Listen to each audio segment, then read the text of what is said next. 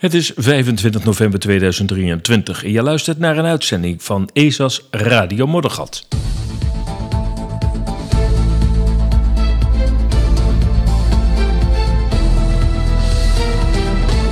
In deze uitzending de digitale ID, de Europese ID, komt eraan. De EMA schrijft over grote fouten bij overheden als het gaat om de COVID-prikken. Er is een coronasymposium geweest in Duitsland. Jawel, dat mag eh, wel in de krant. Alleen daar kwam het niet. Althans, niet in Nederland.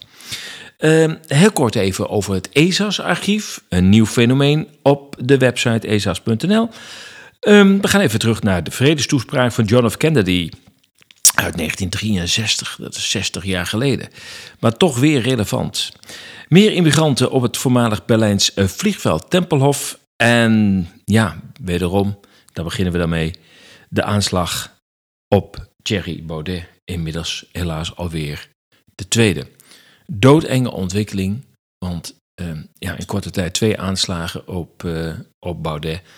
En ja, we weten hoe dat uh, destijds is afgelopen met Pim Fortuyn. Natuurlijk ook met Theo van Gogh. Maar Pim Fortuyn was ook echt een politieke moord. Of schoon daar denk ik nog wel wat andere krachten meespeelden. Dan denk ik nu bij Thierry Baudet.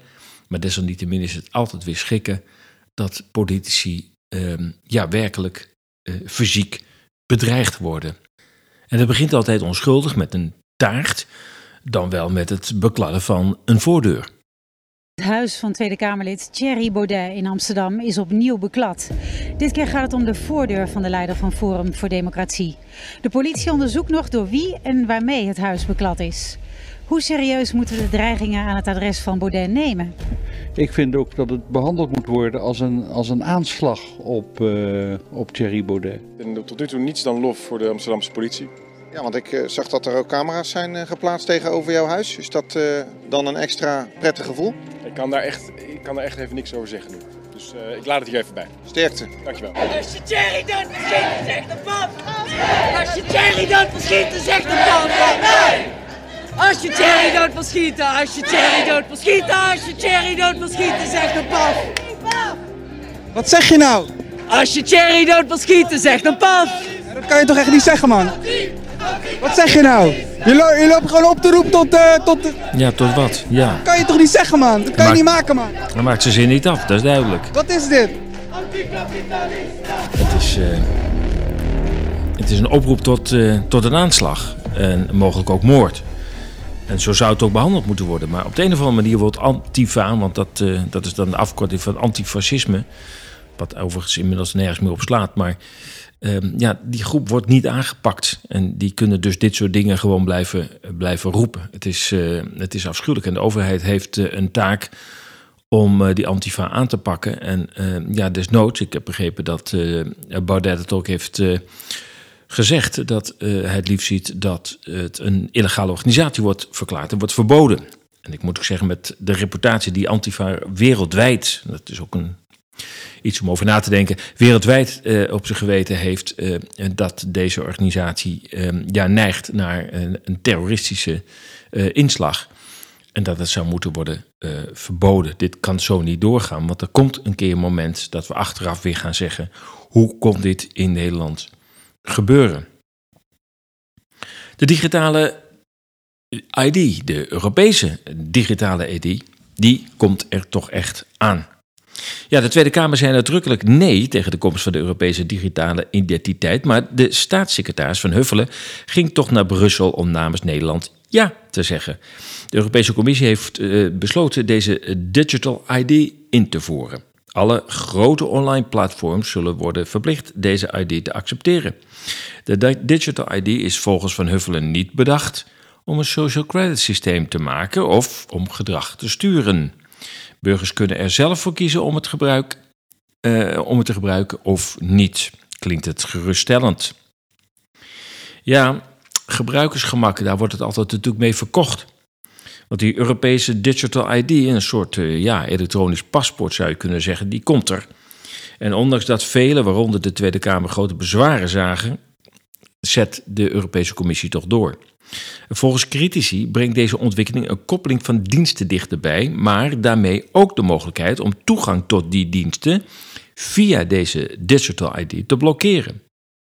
Volgens de Europese Commissie kunnen burgers zich hiermee identificeren en kiezen welke persoonlijke gegevens zij willen delen, zowel online als offline, met de overheidsinstanties, bedrijven in de hele Europese Unie.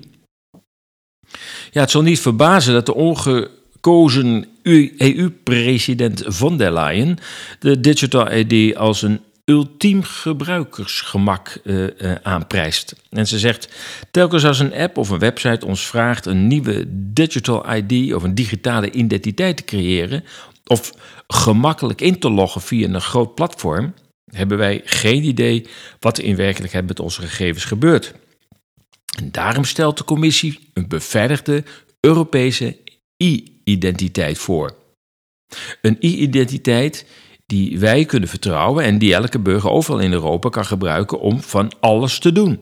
Van belasting betalen tot de fiets huren. Een technologie waarbij wij zelf kunnen controleren welke gegevens worden gebruikt en hoe ze worden gebruikt. Einde citaat.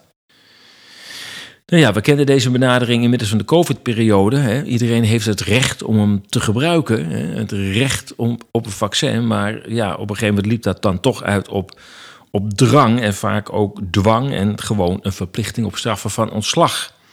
En dat is natuurlijk ook de angst bij sommigen dat de vrijwilligheid bij een grote acceptatie meteen omgezet wordt naar een plicht. Zo van, nou ja, als 70% meedoet, dan verplichten we die andere 30% ook nog wel. Ook is niet ondenkbaar dat de verplichting voor grote online platforms om de digital ID te accepteren ertoe leidt dat de platforms inloggen met deze ID verplicht gaan stellen. Daardoor is anonimiteit niet meer mogelijk op internet. Sommigen zullen het toejuichen, maar anderen zeggen ja, maar ook is zoiets als briefgeheim. Vorig jaar, zomer, zei de staatssecretaris van Huffelen nog in de Tweede Kamer dat dit ID niet verplicht zou worden gesteld. De overheid zal ze dan bedoelen. Maar hoe geloofwaardig is dat, wetende dat de overheid niet bepaald een vlekkeloze reputatie heeft als het gaat om betrouwbaarheid of consistentie van beleid? Bovendien zal Brussel bepalen of het verplicht wordt of niet. Wellicht duikt het model COVID weer op. Dus niet overheden stellen verplicht, maar de bedrijven zoals social media platforms. Ja, belastingdiensten, uh, hotels, uh, reisbureaus, enfin, overal kun je straks dan zogenaamd met deze digital ID terecht. dat zal de EU gewoon verplicht stellen. Maar ja, als al deze instanties niet meer het papieren paspoort accepteren, maar alleen nog maar deze digital ID, kan eenvoudigweg de handeling Ehm, ehm, de status van het ID worden aangepast, waardoor bepaalde diensten niet meer te gebruiken zijn. Denk aan het afsluiten van een bankrekening, wat overigens in, in Nederland al diverse malen is, is toegepast als je niet voldoet aan bepaalde overheidscriteria. Uh, of kunnen, kan, kan de toegang tot een hotel worden geblokkeerd doordat je ID wordt geblokkeerd. Je kunt misschien dan ook niet meer een treinkaartje online bestellen. Ja, het zijn allemaal prachtige mogelijkheden, maar um, daar zitten nog wel wat haken en ogen aan. En misbruik door de overheid ligt uh, behoorlijk op de loer. Een andere mogelijkheid van deze digital ID is de zogenaamde elektronische tijdstempel. Dat is een elektronisch bewijs voor het bestaan van een zekere reeks gegevens op een bepaald tijdstip. Het bewijst bijvoorbeeld dat de houder van een concertticket dat hij, die, dat hij dat heeft gekocht. Het maakt het traceren van documenten makkelijker en het zorgt voor meer verantwoordingsplicht volgens de EU. En verantwoordingsplicht van de verkoper waarschijnlijk. Zo van ja, uh, jij kunt bewijzen als koper dat je het hebt uh, uh, gekocht. En um, ja, dat kun je dan met zo'n digital ID, kun je dat bewijzen. Volgens mij kun je het al op honderd andere manieren bewijzen, maar goed. Ja, waar voorheen nog anoniem een los theaterkaartje aan de kassa kon worden gekocht, kan dat langzamerhand alleen nog maar digitaal en daarmee op naam. In de toekomst kan het theater of bioscoop de digital ID bij aankoop van een kaartje verplicht stellen. Dan ontstaat er een centraal opgeslagen geschiedenis van theaterbezoeken, bezoeken aan musea of kritische films.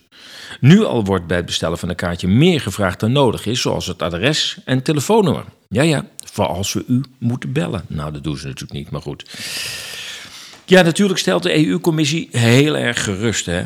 komt allemaal niet zo, eh, het is allemaal niet zo erg, jongens. En eh, ze zeggen daarover: het Digital ID geeft u volledige controle over wat u van uw identiteitsgegevens of certificaten met derden wil delen en hoe dat gebeurt.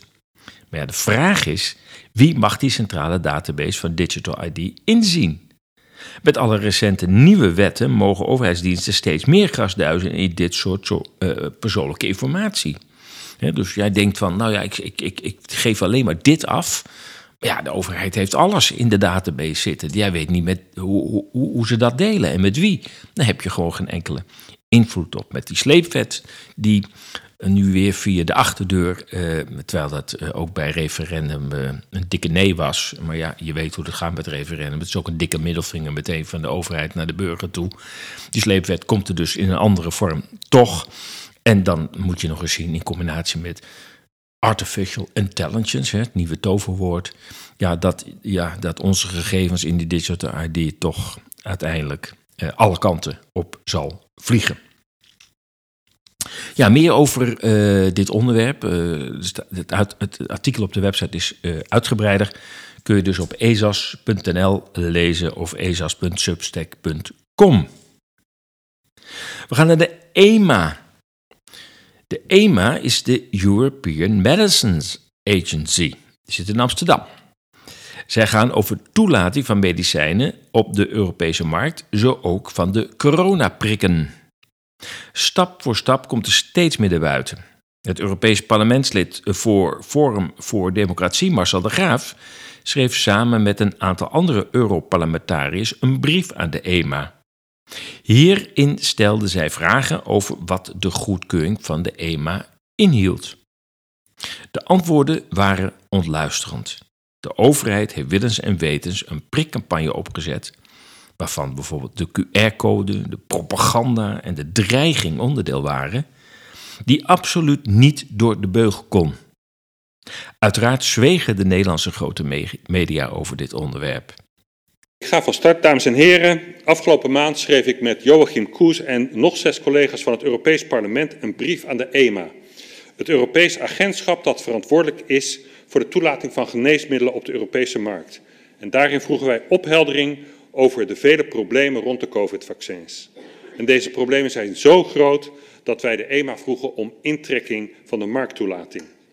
Deze maand ontvingen wij, wij van de EMA een antwoord op onze brief. En dit antwoord bevat schokkende feiten. Allereerst stelt de EMA expliciet dat zij de coronavaccins alleen en uitsluitend op de markt heeft toegelaten voor individuele immunisatie en absoluut niet voor beheersing van besmetting en absoluut niet voor het voorkomen of verminderen van besmettingen. En dit is vernietigend voor regeringen die vol op het campagneorgel zijn gegaan met de boodschap: je doet het voor een ander. Niets daarvan klopt. Niet alleen had de EMA de vaccins helemaal niet toegelaten om besmettingen tegen te gaan, de EMA gaat nog verder en verklaart in haar antwoord, en ik citeer, EMA's beoordelingsrapporten over de toelating van vaccins benadrukken het gebrek aan gegevens over besmettelijkheid. Met andere woorden, de vaccins waren niet bedoeld voor het voorkomen van besmettingen en er zijn al helemaal geen gegevens die onderbouwen dat de vaccins helpen tegen besmettingen. Sterker nog, de EMA verklaart herhaalde blootstelling aan het virus verhoogt de kans op infecties, zelfs in gevaccineerden.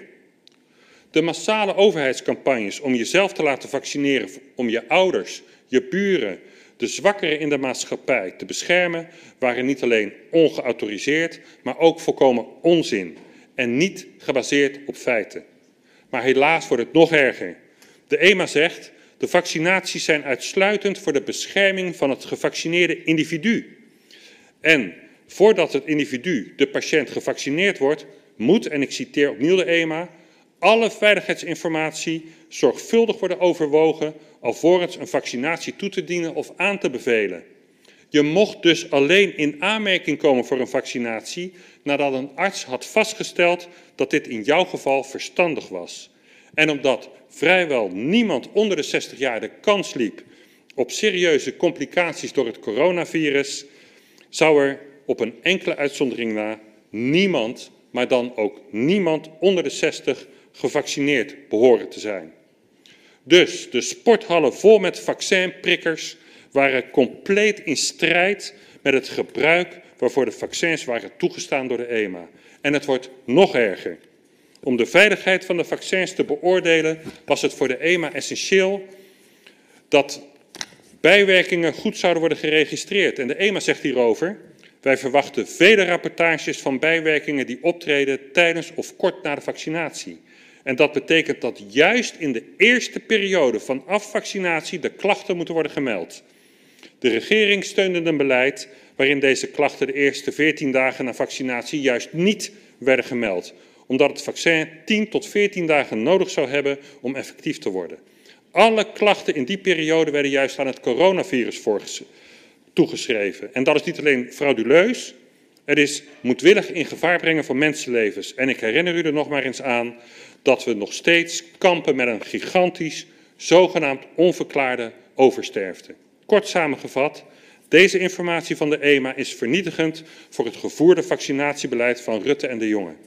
De regering wist dat de vaccins niet zouden beschermen tegen de verspreiding van het virus, maar deelde deze informatie niet met de burgers. Integendeel, het drong de vaccins aan onze burgers op met leugens, verdoezelde de bijwerkingen en bracht hiermee de gezondheid van iedereen die zo'n vaccin genomen heeft in gevaar. De vaccinatiecampagnes dienen zo snel mogelijk stopgezet te worden en het is gewoonweg niet veilig en ze voldoen niet aan de eisen die de EMA stelt. En de regering en alle politieke partijen die dit steunden, behoren op hun leugens en bedrog afgerekend te worden. Dank u wel. Ja, dat is zeker te hopen dat dat moment ooit nog een keer gaat, uh, gaat komen. Want wat er gebeurd is, uh, is, uh, ja, is onbeschrijfelijk. De, de ongrondwettelijke avondklok die er gewoon doorgedrukt is. De, de manipulatie van de rechtspraak door de politiek, wat echt een ongelofelijke schande is geweest de, de, de terreur met die mondkapjes van het RIVM, waarvan het RIVM echt heeft gezegd dat werkt helemaal niet. Het, was, het werd gewoon een gedragsexperiment. Alsof een stelletje uh, waren, moesten we met die dingen oplopen. Terwijl, terwijl men gewoon wist dat het helemaal geen zoden aan de dijk uh, zette. We hebben de lockdowns gehad, de schoolsluitingen. Af en ik kan er wel even doorgaan. Het is, het is een misdadige set van, van gedragsexperimenten geweest. Um, en heb ik het natuurlijk nog niet over waar we het net over hadden, natuurlijk over die beruchte prikken. Want daar is echt het laatste woord nog niet over gezegd. Uit alle hoeken en gaten hoor je zeer verontrustende berichten over wat die inentingen, uh, zelfs op de nu wat langere termijn, uh, doen met, met, met sterfte, met uh, onvruchtbaarheid, miskramen, nou, et cetera, et cetera. Het is het is echt verschrikkelijk wat zich afspeelt. En uh, ja, we moeten net zo lang doorgaan tot de onderste steen boven is. Ook in Duitsland begint langzamerhand het gordijn, dat zwarte gordijn waarachter het verhaal schuil gaat, uh, begint wat open te waaien hier en daar. Want um, het is natuurlijk, ik weet het is een vermoeiend onderwerp, maar we, we, moeten ermee mee doorgaan. Uh, we kunnen dat niet zomaar laten rusten. Ja, vooral in Duitsland uh, bekende coronacritici, zoals professor Zugarit Bakti, hebben tijdens de coronaperiode zich via talrijke alternatieve platforms laten horen. Bakti, die voor de pandemie tussen aanhalingstekens tot de meest geciteerde artsen van Duitsland behoorde en zo'n 15.000 artsen heeft opgeleid, werd mediaal verketterd om zijn kritiek op de corona-aanpak. Zijn oproepen te stoppen met de mRNA-inentingen werden steeds emotioneler. Nu wordt hij door de Duitse justitie vervolgd wegens volksverhetzung, oftewel ophitsen van de, van de bevolking. Wat zoveel betekent als opruiing, dat is een beter woord, denk ik. Onlangs sprak een rechter hem hiervan vrij, maar de Duitse justitie geeft niet op en gaat in hoger beroep. Maar binnen de muren van het regeringsgebouw in Berlijn trof, uh, dacht vorige week, een groot aantal experts van naam en faam elkaar. En waren allemaal mensen die in de kritieke hoek zitten. De zaal is bomvol en maar liefst 300 gasten vullen de zaal. Met uitzicht op de Rijksdag aan de overkant van de Spree debatteerde zij op initiatief van de rechtspopulistische partij tussen aanhalingstekens Alternatieve für Deutschland AFD over corona, het virus, de maatregelen en de inentingen. Vaak ten onrechte als vaccins aangeduid. Eindelijk kwamen al die critici, aan het woord, mensen met een grote status, ehm, tot zij kritiek op het coronabeleid gingen uiten. Wetenschappers, advocaten, artsen, gegevensanalisten, criminologen, medici en medici historici uit alle disciplines waren sprekers en bezoekers aanwezig. Het symposium, dat de, inmiddels de tweede editie uh, is, de eerste was veel kleiner en was uh, al medio 2020 gaande, nou dat waren moeilijke omstandigheden toen, mag uniek geword noemen uh, mag uniek genoemd worden. Niet alleen dat binnen de muren van regeringsgebouwen alles wat tot voor kort verboden was om te zeggen nu gezegd kan worden, maar ook dat de Berliner Zeitung als mainstream media hiervan uitgebreid verslag deed. Hierbij moet worden aangetekend dat de, uh, de Berliner Zeitung tijdens coronatijd de grenzen opzocht om toch voorzichtig kritiek te uiten. Voor de redactie van de Berliner Zeitung moesten dus twee drempels worden geslecht om dit artikel te schrijven. A, het ging over corona en kritiek daarop. Eh, nou, dat ligt natuurlijk al heel erg zwaar op de maag bij de mainstream media. En het werd ook nog georganiseerd door totaal verguisde alternatieve vuur Duitsland.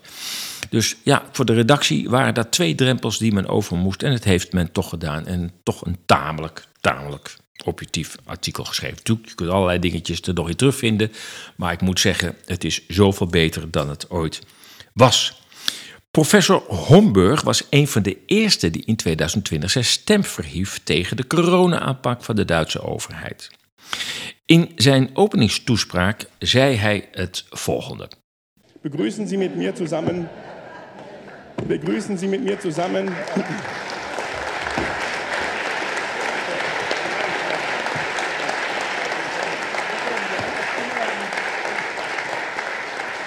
Begrüßen Sie mit mir zusammen zum Thema Corona eine Herausforderung für die Gesellschaft und Rechtspolitik Professor Dr. Stefan Homburg.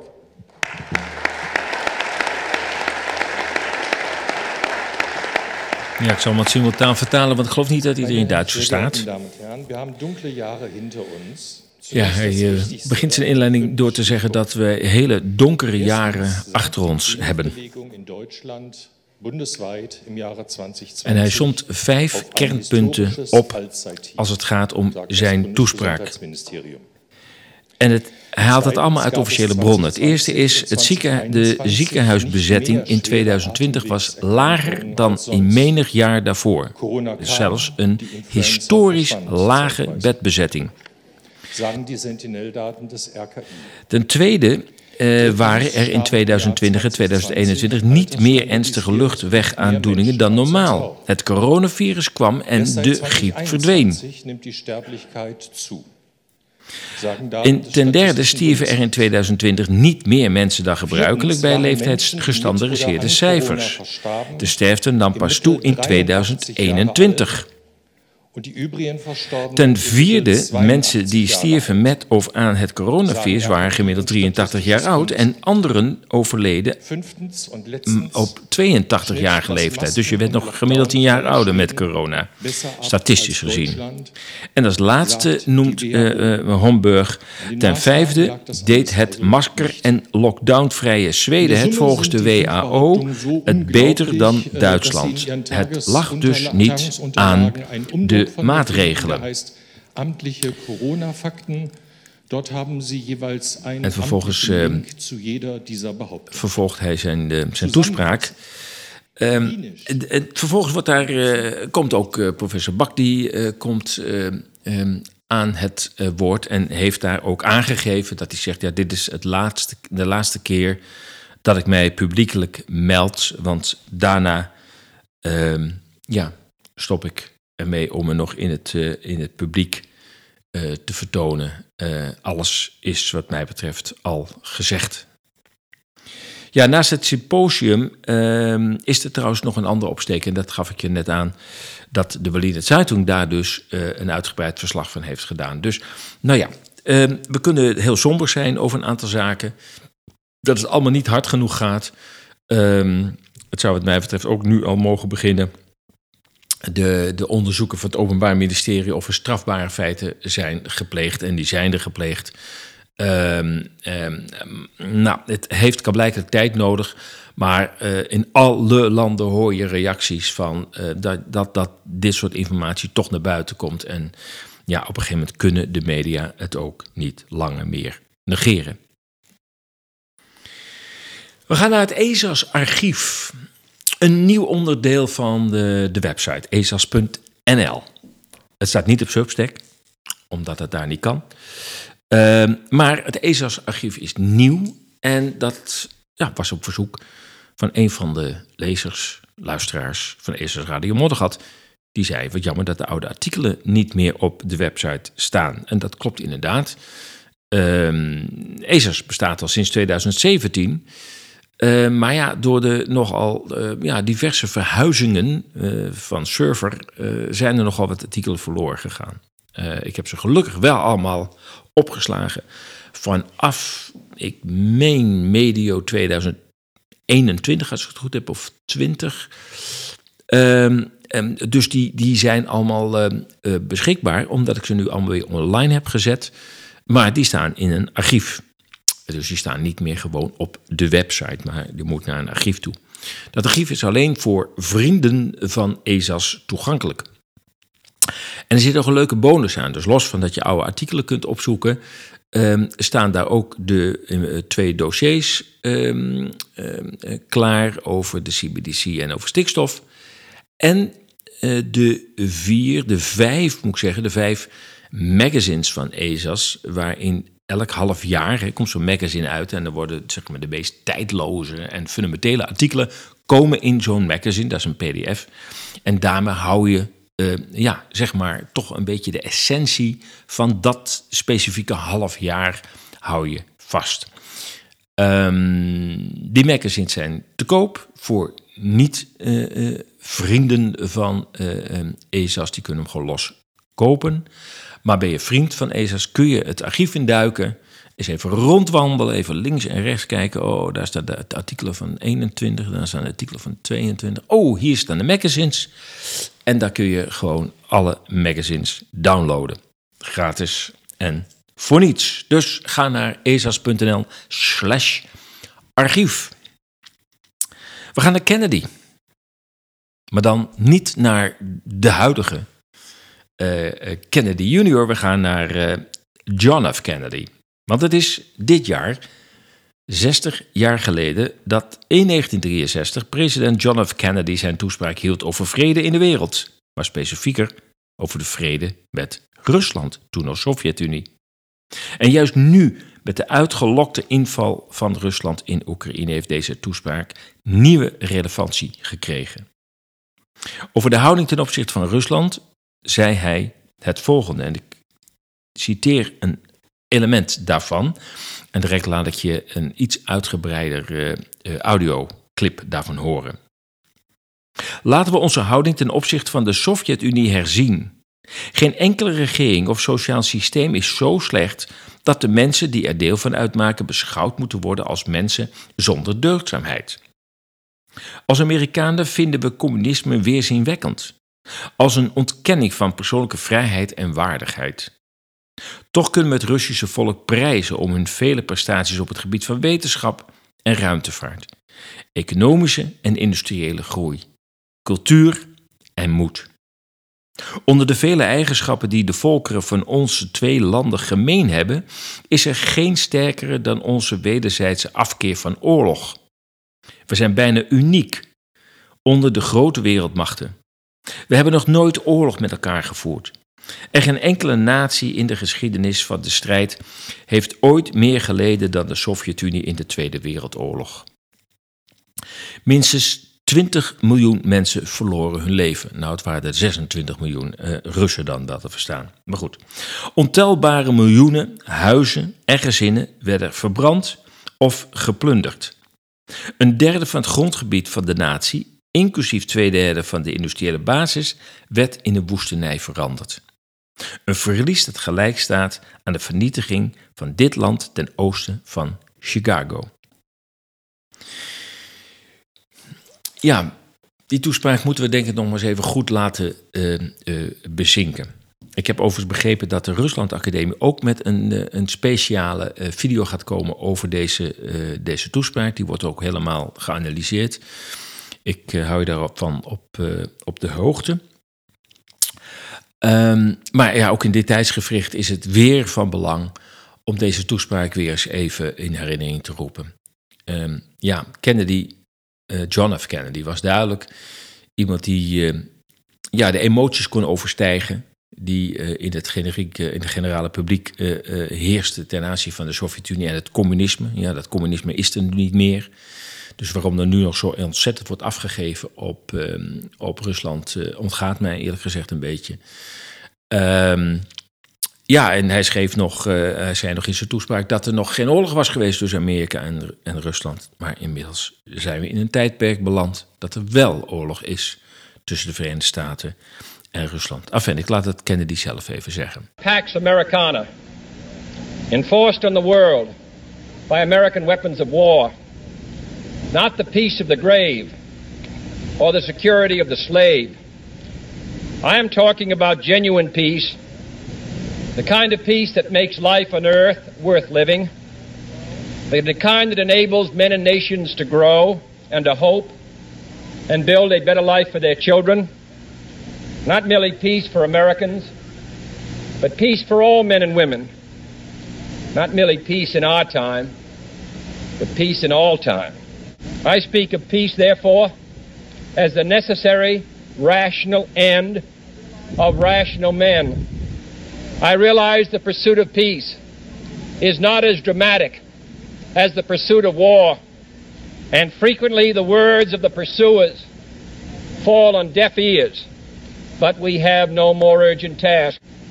Our problems are man made, therefore, they can be solved by man and man can be as big as he wants. No problem of human destiny is beyond human beings. Man's reason and spirit have often solved the seemingly unsolvable, and we believe they can do it again. And if we cannot end now our differences, at least we can help make the world safe for diversity. For in the final analysis, our most basic common link is that we all inhabit this small planet. We all breathe the same air. We all cherish our children's futures. And we are all mortal. Ja, we ademen allemaal hetzelfde lucht en we zijn allemaal sterfelijk. En we, we zorgen allemaal voor onze kinderen. John F. Kennedy in 1963. En het zou goed zijn dat er weer een Amerikaanse president zou zijn die met deze wijsheid naar de huidige situatie kijkt. Maar ja, Biden, wijsheid. Wat zullen we daarvan zeggen? We gaan even naar een, eh, een, een, onderwerp dat natuurlijk veel besproken is de laatste tijd, eh, de afgelopen week, eh, tijdens de verkiezingsperikelen. Daar gaan we het niet uitgebreid over hebben, verder over de verkiezingen, want daar wordt al zoveel over gezegd op honderdduizend kanalen, alternatief, mainstream media. Je kunt overal verkiezingsanalyses uh, uh, horen uh, over de uitslag. Dus daar gaan wij het in ieder geval niet over hebben. maar we gaan even naar Berlijn. Want het voormalig Berlijnse vliegveld Tempelhof is, is, ja, is gewoon een goudklompje uh, als het gaat om de openbare ruimte. Een, een, vliegveld dat er nog helemaal uitziet als een vliegveld, maar inmiddels een soort urbaan speelveld is geworden met heel veel activiteiten erop. In 2014 uh, speelde er een, een, een, een volksraadpleging in Berlijn over de vraag of, gezien de druk op de woningmarkt in Berlijn, niet een deel van dat vliegveld van, dacht iets van 360 hectare, uh, bebouwd zou kunnen worden. En een lokketje was dan, ja, er komt er ook een hele grote nationale bibliotheek, te staan. Nou, strikt genomen kun je er heel veel bouwen voordat het vol is. Maar uh, ja, uh, de Berlijnse bevolking zei absoluut in een referendum nee. Ik was er ook bij in het, in het zenuwcentrum van het referendum. Dat was op de uh, Tor. En ik zag daar de uitslagen binnenkomen. Ik kan me nog herinneren dat ik de eerste was die, dat, eh, die, die, die daarover twitterde. En dat RTL mij opbelde en, en zei van... kun je er nog iets meer over zeggen... alsof ik een correspondent te plaatsen was. En dat was ik op dat moment ook heel uh, even. Maar alle, alle bezirken, zoals dat dan heette... dus alle wijken uh, en, en, en ja, alle stemdistricten... hadden allemaal maar één uitslag. Niet één uitgezonderd. Het was nee tegen bebouwing van dat vliegveld. Zelfs in de spekgrottel, dus waar de rijken wonen, heel ver van het vliegveld. Waarvan je zegt, ja, die zal het denk ik een rotzorg zijn. Maar nee hoor, in alle wijken was het nee tegen bebouwing. En het was, de, de slogan was 100% vrij van bebouwing. 100% Tempelhof was de kreet bij het referendum. Maar ja, toen kwamen de vluchtelingen in 2015, het jaar daarna al. En uh, ja, op een gegeven moment liepen natuurlijk alle accommodaties vol. En er was dan nog dat grote vliegveld. Kunnen we daar niet toch een paar wooncontainers neerzetten? Nou ja, die staan er inmiddels al jaren. Um, ja, en nu zijn we um, weer uh, zoveel jaar verder en is de Berlijnse Senaat van plan om meer vluchtelingen onder te brengen in de containers op het Tempelhoferveld, zo heet de open oppervlakte inmiddels. Senaatswoordvoerster Christine Richter vertelde de Berliner Zeitung dat de taskforce van de deelstaatregering dit dinsdagavond is overeengekomen. Deelstaatregering moet je even goed begrijpen. Berlijn is een stad, maar ook een deelstaat, net zoals Hamburg. Dus um, ja, die hebben gewoon een regering. Hè, naast dat je de burgemeester van de stad Berlijn hebt. Maar Berlijn is ook nog weer eens een deelstaat. En die heeft dus ook weer een regering. Nou, tamelijk complex, strikt genomen. Maar hier hebben we het over de deelstaatregering. Ja, de wet op het Tempelhoferveld, want dat is uit dat referendum gekomen in 2014, zal hiervoor worden gewijzigd. Kijk, daar ga je weer, weet je.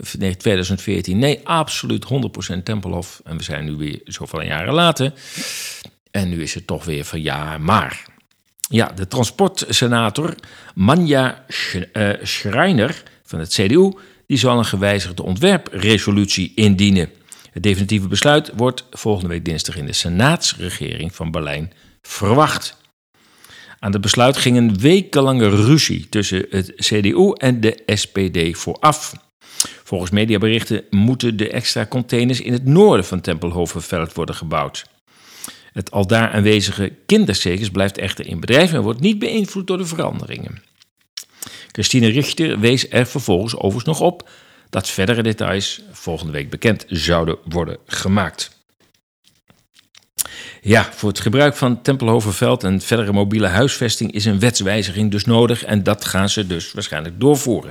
Ik ben benieuwd wat voor hijzer daarvan komt, want het referendum uh, ligt denk ik een gemiddelde Berlijner nog heel vers in het geheugen. Ja, natuurlijk uh, kunnen, we ook niet onder de verkiezingen vandaan, uh, die uh, toch een behoorlijke schokgolf teweeg hebben gebracht. Ehm, ja, de PVV 37 zetels. Het is, ja, het is historisch te noemen. En ja, ik begrijp dat, dat er heel veel mensen zijn die zeggen: ja, dit is zo'n onwaarschijnlijke uitslag. Daar moet wel wat gezoemeld zijn. En ik denk ehm, dat dat uit te sluiten is. Kijk, je kunt met uh, misschien enkele tienduizenden stemmen nog iets doen. Uh, weten dat voor één zetel verschil er toch wel zeker 70 tot 80.000, afhankelijk van de opkomst, uh, stemmen nodig is. 70 tot 80.000. Dus wil je vijf zetels zeg maar verschil maken, dan moet je toch wel met 300, 400.000 stemmen ehm, gaan rommelen. En, en nogmaals, ik sluit dat uit. Ik denk dat, uh, dat je de verklaring voor de, door de, ja, voor de opkomst van de PVV uh, toch moet zoeken in de jarenlange frustratie die is opgebouwd. Ik denk dat uh, zowel nou ja, de voorstanders van de coronamaatregelen, maar ook de tegenstanders van de coronamaatregelen, allebei frustraties hebben opgelopen. en die zoeken nu een uitweg. Die frustraties hebben natuurlijk ook te maken met het klimaatgedramp van de zittende partijen. U zult een warmtepomp installeren, ook al kost u dat 15.000 euro. u zult van het aardgas afgaan, ook al is dat een relatief schone bron. En uh, tot voor kort betaalbaar. Ehm, en, en u zult uw auto wat vaker laten staan en u zult minder gaan uh, vliegen. En u krijgt hoe dan ook toch een, een windmolen van 200 meter in uw achtertuin. Ehm, ja, het gaat zo maar door. En ja, het lijkt erop dat ja, dat veel mensen hebben gezegd: het is, nou, het is nou zat. Het is zoveel wat er op ons afkomt, wat er op ons af wordt gevuurd. We willen gewoon weer rust in de tent. Uh, uh, ook, ook, ook zeg maar die hele oorlogsstemming die door dit kabinet is gecreëerd. Dat we ons bemoeien met oorlogen. Uh, waar we eigenlijk uh, weinig mee te maken hebben. Ja, behalve dan dat we zelf een van de aanjagers zijn geweest van de huidige oorlog in Oekraïne. Ook de, de huidige uh, voorman van de Partij van de Arbeid, Timmermans, heeft daar zijn bijdrage aangeleverd in 2014 in de, op de Maidan, om daar de bevolking op te, op te stoken. Ehm, dus ja, ik denk dat heel veel mensen daarvan af willen en denken van ja, alsjeblieft kunnen we niet meer een beetje rust in de tent krijgen. Ja, en ja, natuurlijk is daar ook nog de immigratie. Ik bedoel, laten we heel eerlijk zijn. Uh, ik denk dat als we, als we een normale immigratie hadden gehad, A, met als basis vluchtelingen, oorlogsvluchtelingen, en daarbovenop nog immigratie op basis van, van beschikbare arbeidsplaatsen, dus arbeidsmigratie, ehm, van, van enkele tienduizenden per jaar, dan denk ik niet dat iemand daar ooit een probleem mee zou hebben gehad. Dan was het ook aan de bedrijven die die mensen inhuurt om voor woningen te zorgen en voor inkomen. Um, en daar hadden we nu niet 28 miljard per jaar uitgegeven aan de opvang van, van immigranten. Het viel me trouwens op dat in het, in het, in het uh, slotdebat uh, er niet meer over uh, immigranten werd gesproken, maar over arbeidsmigratie. En dat is weer een nieuwe wending in de discussie, waarbij het lijkt alsof al die mensen hier komen om te werken. Maar ja, dat zullen ze misschien wel willen, maar heel veel mensen zijn niet gekwalificeerd om, om werk te doen. Of ja, wat je ook wel hoort, dat een aantal mensen gewoon bepaalde werk ook niet willen doen. Dus ja, ik denk niet dat je het woord arbeidsmigratie uh, uh, nou moet als, als, als verklaring moet, moet, moet gaan gebruiken om de hele migratie, immigratie te kunnen verklaren. het bestaat uit heel veel componenten. maar hoe dan ook, hoeveel componenten er ook in zitten. Het aantal van ja, de laatste jaren, gemiddeld zo'n netto 200.000 mensen per jaar erbij. Ja, dat is een middelgrote stad in Nederland per jaar erbij. Ja, hoe, dat, dat, dan moet je je toch realiseren dat dat niet te bouwen is. Dat, dat, je, kunt, je kunt niet ieder jaar een stad als Amersfoort erbij bouwen. Met ziekenhuizen, met scholen, met nou ja, alles erop en eraan, alle voorzieningen. Um, en, toch, en toch heeft deze regering dat maar doorgezet. Ja, nee, maar iedereen is welkom. Ja, dat kan niet op die manier. Kijk, als je eenmaal hier bent, je bent toegelaten ja, dan, dan is het terecht dat je zegt, ja, en vanaf dat moment ben je Nederlander en, en hoor je er gewoon volledig bij en heb je alle rechten die alle anderen ook hebben. Ehm, tuurlijk, dat is inclusiviteit. Maar inclusiviteit is niet dat de hele wereld kan zeggen, nou ja, we gaan gewoon naar Nederland. Dat, dat, dat heeft niks met inclusiviteit te maken. Dat is, ja, ik weet niet wat, hoe ik dat moet verklaren, deze dromerij. Het, is, het, het, het, het ontwricht de samenleving, dat is duidelijk. Menig dorp ja, zucht toch een beetje over onder de grote aantallen uh, asielzoekers die daar zijn ondergebracht. Hotels die worden geclaimd, buurthuizen die worden uh, gebruikt en ingezet. Um, ja, het, er is blijkbaar ergens een eind aangekomen aan de acceptatie van heel veel mensen. Um, ik denk dat, uh, dat Wilders niet het type is om. Uh, ik geloof ook dat hij daar ook diverse uitlatingen over heeft, gedaan. Dat, dat hij niet zegt van ja, we moeten nu alle allochtonen het land uit, uh, uitwerken. Dat heeft hij helemaal niet gezegd. En ik, sterker nog, het omgekeerde heeft hij een aantal keren, heb ik hem een aantal keren horen zeggen. Dat zegt ja, als je hier eenmaal werkt en woont, ja, dan, dan ben je welkom. Dan, en, pas je een beetje aan aan de cultuur die we hier hebben. Ja, dan zal het mij een rotzorg zijn waar je vandaan komt. Maar niet 200.000 per jaar erbij en dan denken dat het allemaal goed gaat. Nou, daar heeft hij natuurlijk terecht een, eh, een punt. Heb blijkbaar hebben miljoenen Nederlanders dat nu ook uh, uh, gevonden. En je ziet het ook in Duitsland. De alternatieve voor Duitsland. Dat, uh, ja, dat toch sterk aan populariteit wint. Ondanks alle hetsen van de media en de politiek tegen de AFD. Of gewoon ook dat beetje begint te kantelen, merk ik. Ja, ik denk dat uh, partijen als uh, de Partij van de Arbeid, GroenLinks, uh, ehm, D66 een beetje ehm, ja, wakker moeten worden. Dat ze te veel hebben gedramd, te veel hebben doorgedouwd. Ehm, en, en ja, misschien nu denk ik, bruut zijn wakker geworden uit hun, uit hun groene droom. Het kon zo niet langer in dit tempo. Ehm, het kost te veel. De samenleving wordt ontwricht. Dan hebben we het nog niet over het hele woke-gedoe, wat natuurlijk ook heel veel mensen irriteert. Er zijn zoveel irritaties bij elkaar gekomen. En die hebben zich eigenlijk allemaal ontladen via de PVV. Wat me wel verbaast is dat Forum het zo slecht heeft uh, gedaan. Forum is natuurlijk massaal genegeerd door de media. Hier en daar dook, die, dook eh, Baudet natuurlijk wel op, maar dat was mondjesmaat. Uh, maar aan de andere kant waren ze online zeer actief. Uh, en ook in het land waren ze zeer aanwezig. En dan toch zo'n groot verlies weer. Ehm, ja, dat verbaast mij wel. Ehm, ik weet niet wat daar de verklaring voor is. Dat vind ik toch wel heel vreemd dat je zou verwachten dat zowel Forum als PVV van de onvrede zouden hebben kunnen profiteren. Maar nee, uh, Forum juist nog verder teruggegaan en uh, ja, dan een monsterzegen van de PVV. Een partij die overigens geen leden heeft. Hè. Forum voor Democratie heeft 60.000 plus leden. Ja, er blijft dus uh, verbazing uh, over alles wat er gebeurd is. We zullen het allemaal nog even moeten gaan verwerken. Uh, ik hoop in ieder geval één ding dat de Timmermansen en de Jetters niet zo dom zijn om een kabinet te vormen zonder PVV. Dan gooi je werkelijk het lucifer in het kruidvat. Um, dus ik denk dat het slim is om een modus te vinden om samen met de PVV een, een regering te vormen. Hoe moeilijk dat ook zal zijn, en dat zal van alle kanten water bij de wijn betekenen, dat is nou eenmaal zo. Um, en ik denk dat, uh, dat, dat vooral de, ja, de groene waas bij een aantal partijen weg zal moeten, want daarin zijn ze gewoon doorgeschoten. Turbulente tijden.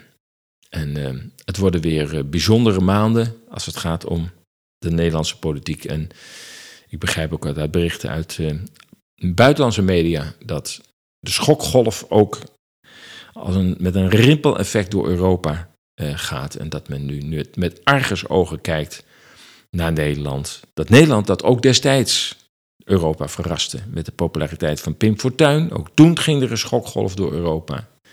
Dat rustige Nederland, uh, waarvan denk ik bepaalde krachten en machten hebben gedacht, daar moeten wij de Great Reset eh, maximaal aanzetten, want het is een welwillend volk. En dat blijkt nou toch een grimmig randje te hebben gekregen. Dat blijkelijk als de grens bereikt is bij de Nederlander, dat dan toch de bijl erin gaat. En dat is de les van deze verkiezingen. We moeten er maar eens een einde aan breien, denk ik. Um, even kijken, zijn er nog uh, dingen voor wat er, wat er verder te tafel komt? Hè? Gaat het altijd bij vergaderingen zo? Hebben we nog punten voor de rondvraag? Ook niemand. Blijft stil in de zaal, merk ik. Um, even denken, toch wilde ik nog iets, iets zeggen. Dat heb ik elke keer weer. Maar uh, ja, je hebt gemerkt dat, uh, dat er uh, toch weer een aantal geluidsfragmenten insluipen in, uh, in de uitzendingen van Radio Moddergat. Ik denk dat het de zaak wat verlevendigt en ik heb ook een uh, manier gevonden om het allemaal wat sneller te, te produceren, want dat was eerst erg omslachtig. Waardoor de productie eigenlijk van een uitzending best wel veel tijd verde. En bovendien moet het ook inhoudelijk nog voorbereid worden. en dan nog worden opgenomen, uiteraard. Maar goed, um, ik denk dat, dat, dat ik daar maar mee doorga. Um, geen, geen honderd clips in een, uh, in een uur, maar een aantal zo uh, af en toe verlevendigt het wel. Uh, en het is ook altijd leuk om, um, ja, als er over iemand gesproken wordt, dat je de persoon in kwestie ook zelf aan het woord hoort. Oké, okay.